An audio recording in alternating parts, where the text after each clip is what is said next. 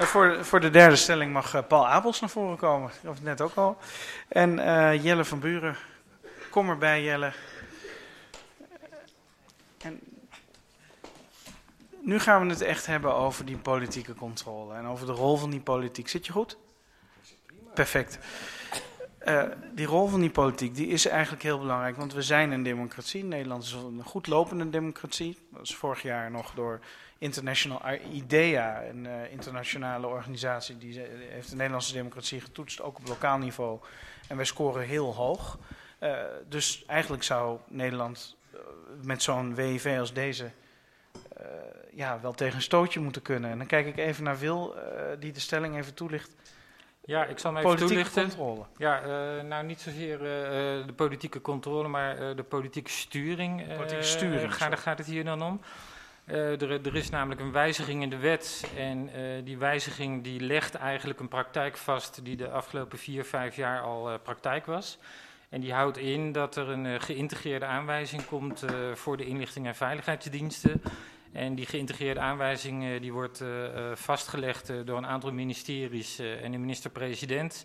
En die overleggen met de inlichtingendiensten. Dat, dat is wel een spel van loven en bieden, zoals ik het tot nu toe begrijp. En die geven een beetje aan, uh, uh, kijk, uh, we, we, hebben nu strijdgebieden in Syrië, het Midden-Oosten is onrustig, we hebben jihadisten, maar we hebben ook links- en rechtsextremisten. dat zijn de gebieden waar jullie je mee, mee, moeten bemoeien en ons van inlichtingen moeten voorzien. En er worden inlichtingenbehoefteplannen gemaakt. En ja, daar, daar zullen de inlichtingen en veiligheidsdiensten zich aan moeten houden.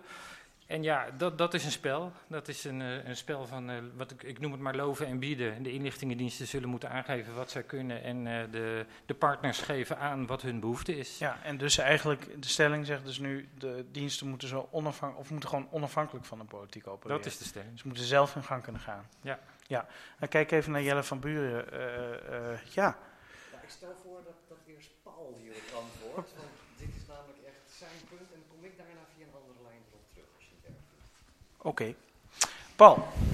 Nou, ik had gedacht dat Jelle. Nee, uh, ja, dit, uh, dit gaat mij zeer aan het hart. Afkomstig uit die inlichtingenwereld. Opgevoed ook vanuit uh, de idee dat de wet bepaalt waar de dienst naar moet kijken. Namelijk die wet zegt van kijk naar gevaren voor de staatsveiligheid, democratische rechtsorde en andere gewichtige belangen van de staat. En die dienst beschikt over de dreigingsexpertise om te bepalen welke dreigingen er zijn en welke geprioriteerd moet worden op basis van ernst en waarschijnlijkheid. Zo heb ik altijd gewerkt bij die diensten. En een minister, die was politiek verantwoordelijk voor het handelen van de dienst. De dienst legde verantwoording af voor die keuzes. Maar de minister zei niet van, ik wil dat je naar links kijkt of naar rechts kijkt.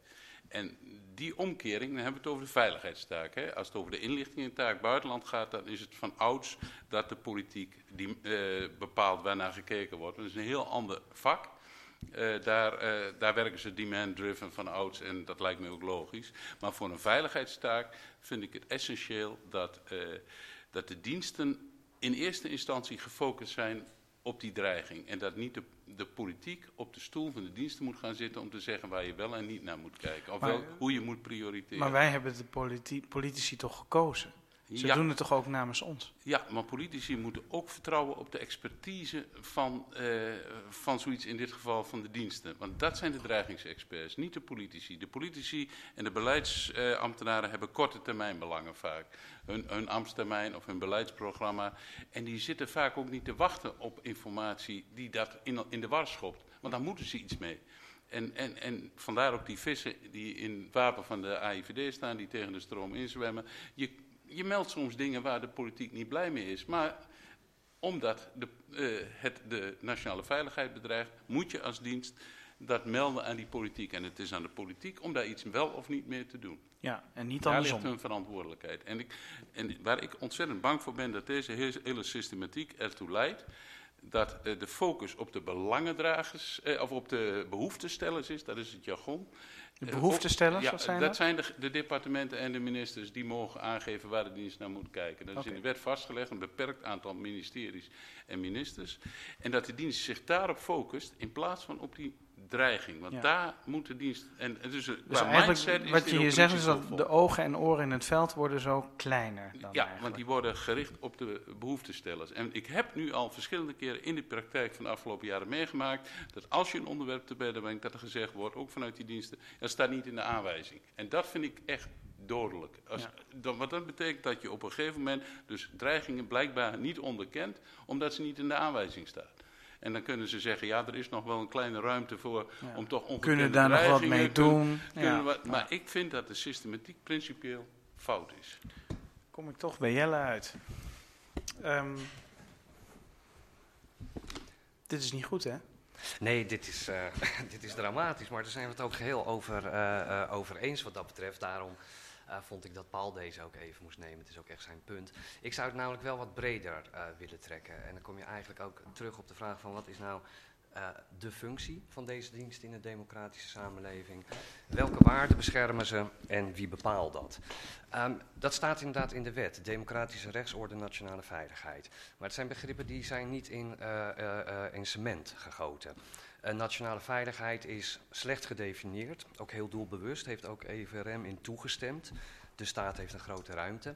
Maar ook de democratische rechtsstaat. Ja, ehm, dus wat is nationale veiligheid? wat zijn de kernwaarden? Nou, eh, de. AIVD en dat is- kernwaarden van onze ja, en democratie? dat is een beetje de frustratie over het gebrek aan politieke discussie, wat ook al eerder werd eh, gezegd. Ehm, in de notitie van Dawa tot Jihad heeft de AIVD een keer heel mooi uitgelegd wat volgens haar de democratische rechtsorde is. Alle waarden die beschermd moeten worden. Is heel breed. Eh, gaat niet alleen tussen burger en overheid, maar ook tussen burgers onderling. Er staan een hele hoop op zich mooie begrippen in. Maar het is een ontzettend breed eh, terrein. Ehm, bij mijn weten is over dat deel van die notitie geen woord gewisseld in de Tweede Kamer. En als je nou hebt over de politieke ehm, discussie over, maar dat moet dan gaan over die fundamentele vraag: waar zijn die diensten voor en wat moet er beschermd worden? Daar, ehm, eh, eh, daar schort het echt Maar die, verschrikkelijk maar aan. die het- kernwaarden sinds, sinds Fortuyn, die kernwaarden die, die onderschrijft hij toch allemaal? Toch alle 150? Nou, de, de, de kernwaarde, het gaat over solidariteit. Het gaat over je gedragen als een positieve burger die een bijdrage wil leveren aan de samenleving. Ehm, het respect voor ander, andersdenkenden op. Nou, daar houdt niet iedereen zich geloof ik aan in dit land op dit moment. Ehm, maar wat nog belangrijker is, ook die democratische rechtsstaat, als je dat historisch kijkt. ehm, er is nogal strijd geweest over wie erbij hoorde en wie er niet bij hoorde. Wie er onder viel In de en wie afgelopen niet 150 onder viel. jaar. Ja. Als je bijvoorbeeld kijkt naar ehm, eh, eh, de burgerrechtenbeweging in de VS, die voor het eerst voor hun rechten opkwam, die kregen toch dat hele staatsapparaat tegenover zich. Die werden gezien als een eh, bedreiging voor Extremisten. Extremisme, het hele Ja. jargon. Ik denk dat we met z'n allen achteraf terugkijkend toch blij zijn dat die emancipatiebeweging en die strijdbeweging er geweest is. Het kan schuren, het kan botsen, het kan conflicteren. En die grens, is dat nou antidemocratisch radicalisme? Of misschien eigenlijk juist één grote roep voor meer democratie? Wie bepaalt dan hoe je dan opereert? Nou, ik kan me voorstellen dat de dienst daar zelf ook een belangrijke rol in speelt. Maar het zijn enorme dilemma's, eh, lijkt me. Wanneer interveneer je misschien in wat eigenlijk in wezenlijk een democratisch proces is, ook al botst en schuurt het. Ja. En een beetje historisch inzicht daarin, wat meer casus uit het verleden. besef, eh, Wat zijn de dilemma's geweest? Hoe zijn we daarmee omgegaan? Hebben we misschien terugkijkend eh, dingen verkeerd ingeschat? Hebben we misschien te vroeg geïnterveneerd? Of misschien te laat? Ehm, dat is voor mij waar die politieke discussie over moet gaan. En die missen we ten ene in dit land. Maar goed, eh, eh, je zegt dus eigenlijk van nou, hè, vroeger had je activisten, die werden als extremisten staatsgevaarlijk gezien. De vrouwen die emancipatie wilden in de Eh, eerste emancipatiegolf. Maar ook of, wat mijn collega zei, elke lezer van de waarheid was een, een staatsgevaar. Ik weet niet helemaal of dat waar was Maar hoor. tegenwoordig worden salafisten als gevaarlijk gezien. Nou, dat voorbeeld is ook genoemd. Die willen sharia. Ja, maar dat is dus dan die wezenlijke discussie over ehm, wanneer vind je dat de kernwaarden van de democratische samenleving, de rechtsorde, zo in gevaar zijn dat bijvoorbeeld ook een dienst ehm, in touw moet komen. Ja. Dat zijn volgens mij de essentiële eh, discussies. De bevoegdheden die vervolgens daarvoor gebruikt worden, nou, die verlopen via dat rijtje proportioneel, subsidiair en noem maar op. Maar de discussie daarvoor, die is volgens mij Die is essentieel. niet goed gevoerd. Ik mis dat vooral in het politieke eh, domein. Die Hmm. moeten zich niet met operatieën gaan bezighouden. Ja, die Paul eh, Daar zit, hem, daar aanvullen? zit hem, denk ik, daar vinden we elkaar ook prima. Dat is dat op, op dat abstractieniveau, het afkaderen ook van de domeinen. Ja. Maar om het op onderwerpsniveau als politiek te gaan bepalen waar de dienst naar moet kijken, dat lijkt mij dus niet erg. eh, Nee, en daarom is het zo jammer dat over die notitie geen enkele discussie is geweest. Want daar had je heel uitgebreid over kunnen discussiëren. Ehm, wanneer vinden wij nou het ontstaan van een soort enclave in de samenleving zo kwalijk en bedreigend... dat er op de een of andere manier, en daar hoef je niet meteen al je bevoegdheden voor in te zetten... maar dat je daar op de een of andere manier je tegenaan gaat. Ja, en dan en hebben we het niet over de, zijn hebben we het wezenlijke niet over de sharia-driehoek die niet bestond uiteindelijk. Maar we bedoelen niet. We bedoelen dus eigenlijk gewoon dat er ontwikkelingen zijn in de samenleving waar je dus naar moet kijken. En politiek niet. Ja, en dat lijkt me een heel precair proces. Het is al een, keer, een paar keer aangegeven. Er is veel wantrouwen op dit moment, ook tegen de politiek. Er is kritiek op het politiek functioneren van het huidige systeem. Er zijn niet alleen losgeslagen populisten. Er is een heel legertje hoogleraren dat al sinds decennia zegt van... politieke partijen verliezen hun legitimiteit, het aantal deelnemers... hoeveel mensen zijn lid van Amnesty vergeleken met hoeveel mensen zijn lid van een politieke partij... Het piept en kraakt. Ehm, dat hoort volgens mij bij een volwassen ontwikkeling in een democratie. Ja. En hoeft het niet altijd netjes en keurig te zijn. En wat wordt dan beschermd?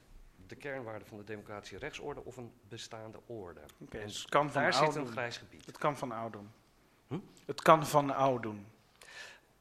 Elke, verander, elke echte verandering heeft altijd oud gedaan. Ja. Eh, Paul Abels, die politiek, die krijgt nu dus wel een grotere rol. krijgt een zwaardere stem in het geheel. En dus eh, die wet die komt er, eh, gaan we vanuit. Deze systematiek is daarin ook vastgelegd. En dus komt het heel erg neer nu op de verantwoordelijkheid van de politiek om niet op de stoel van de diensten te gaan zitten. En met name ook op een sterke eh, dienstleiding eh, en een sterke dienst, diensten. Die, eh, eh, die ook eh, druk op dat terrein weten te weerstaan. Want die druk is er altijd. Ik dat, dat zie je ook op andere domeinen. WODC is daar een spreker voor. WODC?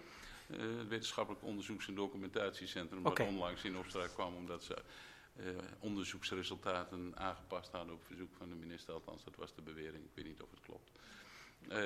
Maar zo zie je dat er druk is vanuit departementen op conclusies, op bevindingen van Ja. onderzoeksbureaus. Maar dat geldt net zo goed voor inlichting en veiligheidsdienst. Oké. En ik weet het in het kader van waar ik voor de NCTV werk, ook in het kader van het dreigingsbeeld. Er zijn natuurlijk altijd belangen van buitenlandse zaken, Maar defensie, om dingen niet te melden. Er wordt ook wel eens gezegd, die inlichtingendiensten, die zijn, worden steeds maar groter en machtiger en die krijgen steeds meer, steeds meer ruimte. Dus moet de politiek daar eh, ook wat nou mee ja, doen. ik, ik zie meer in onafhankelijk toezicht en daar hebben we nu behoorlijk wat opgestapeld. Ja. Dus in die zin, eh, Dus er is hoop. er is eh, op dat terrein, da- eh, daar heb ik ook mijn hoop op, gevestigd. Dat als die in de gaten hebben, dat, dat inlichtingen dus, en dan hebben we het over doelmatigheid, maar ook de, de wijze waarop proportioneel, et cetera. Ik denk dat die een stem kunnen hebben om dit ook in het gereel te houden. Ik wil even naar de, zaal als geheel en ik heb een vraag aan iedereen in de zaal.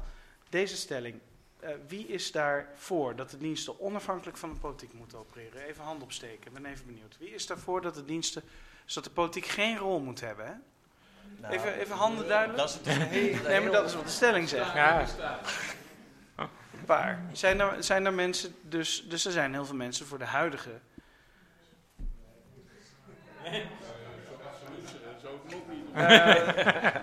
dat is weer Oké, absoluut inderdaad. Oké, voordat, voordat mensen beginnen. eh, wil- Nee, kijk, ik als, als, de, als burger van een democratisch land zou ook zeggen van ja, wij, wij kiezen de, eh, de regering en wij kiezen het parlement. En eh, ik, ik, ik ben inderdaad niet voor een eh, inlichtingendienst die zijn eigen koers bepaalt. Ik ben ook wel eh, voor een, eh, eh, een eh, soort van eh, democratische sturing. Maar inderdaad wel met een eh, goed ingelicht parlement. En met een par- parlement wat eh, de controle beter geregeld heeft dan nu. Zodat de regering en de ministeries ook aanspreekbaar zijn op de keuzes die ze maken. En dat is het probleem wat er nu natuurlijk is. Kijk, met die geïntegreerde aanwijzing. Ik kan hem al niet lezen als eh, geïnteresseerde journalist. Ik kan een jaarplan lezen van de AIVD. Maar ja, daar staat niet zo heel veel in. Dat kan ik zelf ook wel raden eh, wat daarin komt te staan. Dus de achterliggende discussie over eh, waar de AIVD mee bezig is, is wel lastig. Ja, en ik kan ook wel uh, discussies uit het verleden uh, me herinneren. En dan was het wel politiek gestuurd. Hè. Moet de IVD zich wel met kraakbeweging bezighouden of niet? ja, ja die, die discussies die, die, die worden pas 30 jaar later openbaar was, was toen nog de BVD, hè? was toen nog de BVD, Precies. daar weet Paul nog alles van waarschijnlijk. Die discussie is natuurlijk gevoerd. Uh, maar ik als democratisch burger, ik ben ook niet voor een inlichting- en veiligheidsdienst die geheel zijn eigen weg gaat. Ja, maar dat heb ik Even de microfoon aan. Uh.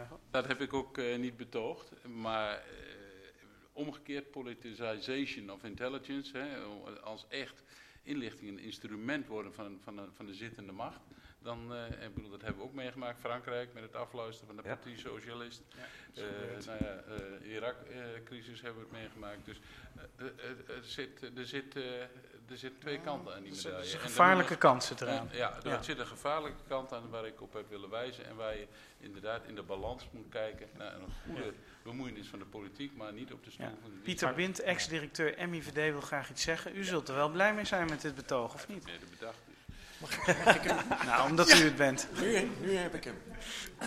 Um, nou ja, we gaan het zien. Het uh, politicizing intelligence, dat, dat hoort bij het verschijnsel mens. Dat hebben Paul en ik uh, uh, vaak aan den lijve ondervonden. Dat mensen zeggen, kan je het niet anders opschrijven? Nee, we kunnen het niet anders opschrijven. Wij gaan over het weerbericht, jullie gaan over de paraplu. En als je het restrisico wil weten, dan zullen we je daarbij helpen. Maar die geïntegreerde aanwijzing, uh, dat vind ik een uitstekend plan. Uh, omdat het ook uh, de, de, prioriteiten aangeeft. ook bij de diensten zitten er maar 24 uur in een dag. Ja. Maar er zit ook nog een clausule bij als er nou iets is waar u denkt dat u aandacht aan moet besteden. Die, dat niet gevraagd is, mag u dat ook doen. Precies, dus de Dan moet je daar wel de capaciteit voor hebben. Verder, ik iets heb, teruggeven. Ik heb ja. die vier jaar dat proces meegemaakt. En daar spelen de uh, beide diensten een zeer actieve rol. En soms wordt er een vraag gesteld van, dat gaan, dat gaan we dus niet doen, dames en heren, omdat, omdat het te veel of hmm. een, een, onderwerp is wat, wat niet past Mag ik iets in vragen? de capaciteiten. We zitten hier nu toch onder elkaar allemaal. ja, ja. Uh, heeft u een voorbeeldje uit de praktijk van, van die vier Nee, jaar? ik kan wel. Uh, ik kan het. Nee, een voorbeeld uh, uit de praktijk. De CIVD, dus de, de, de, Commissie Inlichting en Veiligheidsdiensten, ook wel de Commissie Stiekem. Ook die maken een openbaar jaarverslag.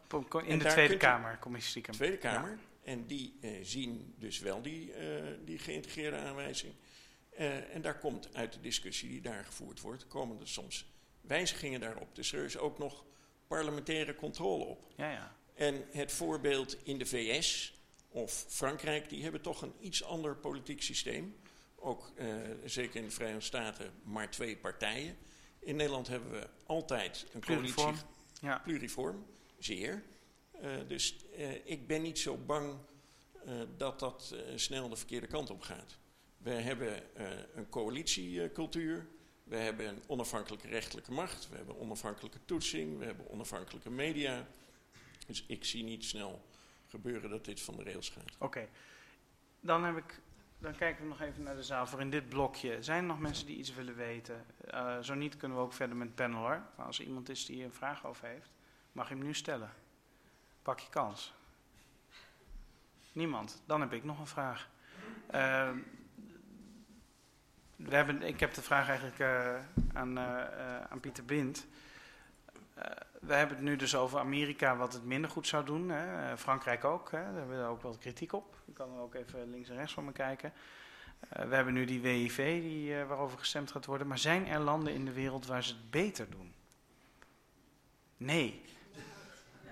Nou, wacht even. Jij wil, jij wil het zeggen, Quirine? Ja, ik denk wacht even, de microfoon komt naar je toe. Ik, ik vind, ik, weet je, ik, waar ik echt een beetje moeite mee heb, en dat is ook heel vaak in deze discussie, is dat veel mensen dan zeggen: in Nederland is, is, zijn veel dingen echt fantastisch geregeld. Ik denk dat op onderdelen, uh, zeker als we het hebben over toezicht, Nederland echt wel goed gericht is. Maar we zijn ook best wel uniek. Om even terug te komen op de bewaartermijnen. Die zijn best wel ruim, in, ja, onder, ruim. onder, de WIF. Zeker in vergelijking met andere landen. Wat ik net nog wilde toevoegen is... er is al een club van mensen die daartegen wil gaan procederen. Hè, tot met Europa, om die kleiner te krijgen. Dus ik, ik, vind, ik ben altijd een beetje beducht, en daarom reageerde ik net van, van dat hele systeem in Nederland is beter dan andere. Nee, op een aantal onderdelen is dat zo, maar op een aantal onderdelen is dat ook echt Ja, niet dus zo. het is niet zo zwart-wit. Het is niet zo zwart-wit. En ik denk dat, dat het, het argument wat ook vaak in deze discussie wordt gebruikt... van nou, jullie moeten maar blij zijn, want het is beter dan twintig jaar geleden... of in vergelijking met dat, dat klopt gewoon niet. Het is Waarom? een hele... Nou, omdat natuurlijk is het goed dat eh, dingen een aantal bevoegdheden nu... of al sinds de jaren tachtig nu in wetgeving zijn opgenomen. Maar dat mag je ook verwa- verwachten in een volwassen democratie. Eh, in, Frankrijk, Duitsland hebben die ontwikkelingen ook plaatsgevonden. Er is een soortgelijke wet in, in Engeland aangenomen, in Duitsland. Eh, Nederland is bijvoorbeeld op dat gebied van hoe lang gegevens bewaard worden, zijn wij heel erg ruim. Ja. Veel ruimer dan andere landen. Met andere gebieden is ons toezicht misschien sterk of niet. Dus ik, ik- mijn enige punt is een beetje van, waar vergelijken we het mee? Maar je kan niet zeggen, in zijn geheel doet Nederland, het, is het beste jongetje van de Eh, klas. Pieter Bind wil daar nog iets op eh, zeggen. Even heel kort, Pieter. Graag. Ehm, de bewaartermijn van drie jaar voor de eh, oog, daar zijn de meeste Nederlanders. Oog? De oog, de onderzoeksopdracht. Ja, ik, Ja, ja, ja, ja, ja. ik moet het kort houden. Nee, maar vertel. Onderzoeksopdracht en gerichte interceptie, oftewel de sleepnet. Precies. Ehm, eh, ik denk namelijk dat die ooginterceptie binnen Nederland helemaal niet gaat worden ingezet, Hmm. omdat die niet proportioneel en subsidiair eh, zal zijn. Ja. Om, dat, dat, denk ik, Oké. dat denk ik ook. Verder in het buitenland zijn, eh, is er een onderscheid steeds tussen binnen de grenzen en mensen met, eh, met het paspoort van dat land. Eh, daar gelden andere regels voor dan in het buitenland. Nederland heeft ervoor gekozen om binnen- en buitenland niet eh, te scheiden. Nee, dus dat is één geheel. En dus Ja. de oog wordt primair ingezet in het buitenland. In Nederland zie ik hem nog wel ingezet worden voor cybersecurity. Dan is voor het buitenland is drie jaar een buitengewoon zinnige termijn, wat mij betreft nog een compromis. En binnen Nederland gaat dat dus niet voorkomen. In de praktijk. Ja. Want ja. eh, andere gegevens hebben een veel kortere bewaartermijn. Oké, ik heb toch een vraag aan Paul Abels. Eh, goed, bedankt voor de toelichting. Eh, Paul, even je microfoon. We hebben het toch over die sturing vanuit de politiek, hè, vanuit de departementen. Kijk, nu gaat het allemaal goed. Hè? Pluriforme, pluriforme democratie, coalities, meerderheden maken, et cetera. En het zou kunnen dat een keer de verkeerde aan de macht komt. Dat het systeem mislukt. Ja, die vrouw, die vrouw weet het, maar ik vraag het aan jou. Hoe kijk je daar tegenaan? Want je weet niet wat er over twintig jaar gebeurt. Eh, daarom eh, heb ik eh, een groot vertrouwen in die onafhankelijke eh, commissies en in, eh, in de kracht van de diensten. En, en die moeten dus ook die mindset hebben van eh, blijf kritisch ook op de zittende macht. En, en durf dus ook zaken aan de orde te stellen die in, ja, waar, waar de zittende macht niet blij mee is. En, maar dat is wel je taak. Dus, dus die moeten het doen. Die moeten, die moeten op dat moment doen, ja. Maar die, eh, dan heb je die onafhankelijke commissie. En er zijn, ja, eh, die zijn in ieder geval onafhankelijk. Zijn, eh, of ze maar lopen weg uit protest. Maar, Eh, ja, Vincent, dan voor jou weer het laatste woord. Ja, ik, bedoel, Nee, ik ga je ben geen inlichting-expert, maar ik, ik heb altijd wel gelezen. Is het niet een klassieke taak heel in, in de kern dat inlichtingendiensten moeten eh, speaking truth to power? En dan kun je geen politieke sturing hebben. Dat kan per definitie niet. Nee. Eh, is misschien heel simplistisch gezegd, maar daar komt het toch wel in de kern op neer. En ja, waar jullie net over spraken, dat is altijd een interessante vraag natuurlijk. Hè. We leven altijd in een interbellum, kun je ook zeggen. Zou je kunnen. Grondwet en, en mensenrechtenverdragen zijn geschreven niet voor de tijden waarin het goed gaat, maar in de tijden, voor de tijden waarin het slecht gaat, of weer slecht zou kunnen gaan. Als je kijkt naar de ontstaansgeschiedenis van grondwetten en mensenrechtenverdragen. En dat moet je altijd in het achterhoofd blijven houden. Hè? Dus, eh, nou ja, anyway, daar laat Ja, ik het voor duidelijk. bij. Nou, bedankt Vincent. En bedankt ook voor... eh, eh, ja, Jelle, jij blijft even zitten, maar geef hem even een applaus. En ook Paul Adels.